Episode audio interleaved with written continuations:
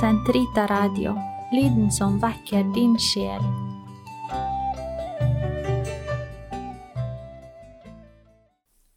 Den katolske kirkes katekisme, uke 14, onsdag, paragraf 1262 til 1270.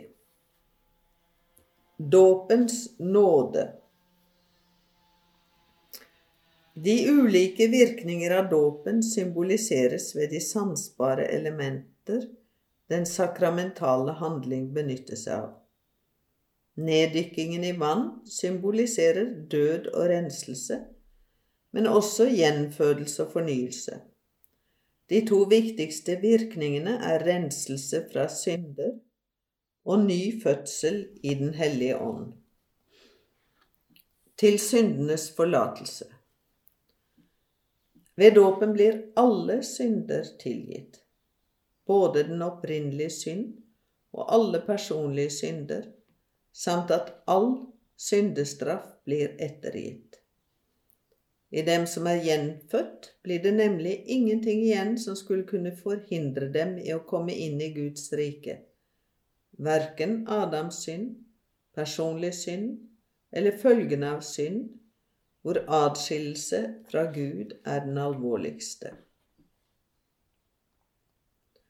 Visse timelige følger av synden forblir imidlertid i den døpte, slik som lidelse, sykdom, død, eller slik svakhet som livet uvegerlig medfører, som karaktersvikt og lignende, og også den hang til synd som tradisjonen kaller concupiscentia, eller billedlig syndens arnested, formes peccati.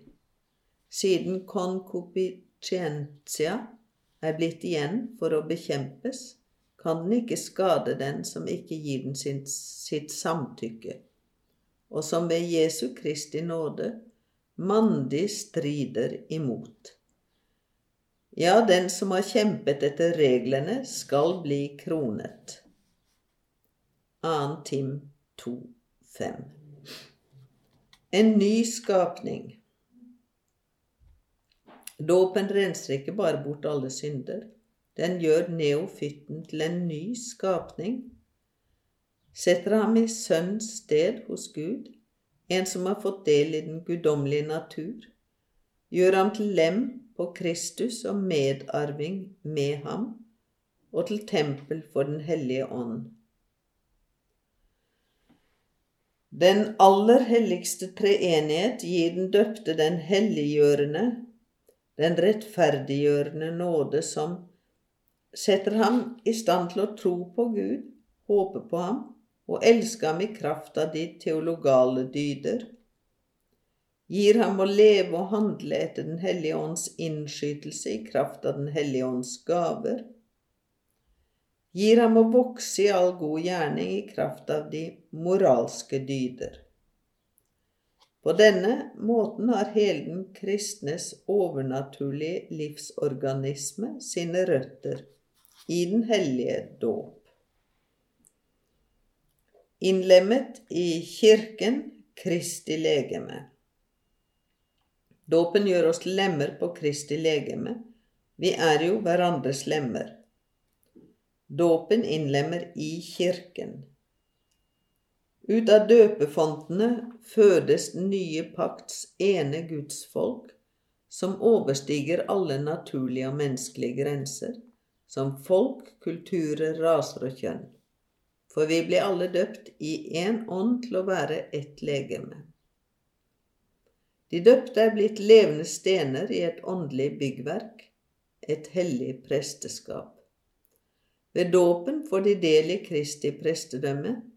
I hans sendelse som konge og profet er de et utvalgt folk, et kongelig presteskap, et hellig folk, et folk som Gud kan kalle sitt eget, og som skal forkynne storheten hos Ham som har kalt dere fra mørket inn i sitt overveldende lys.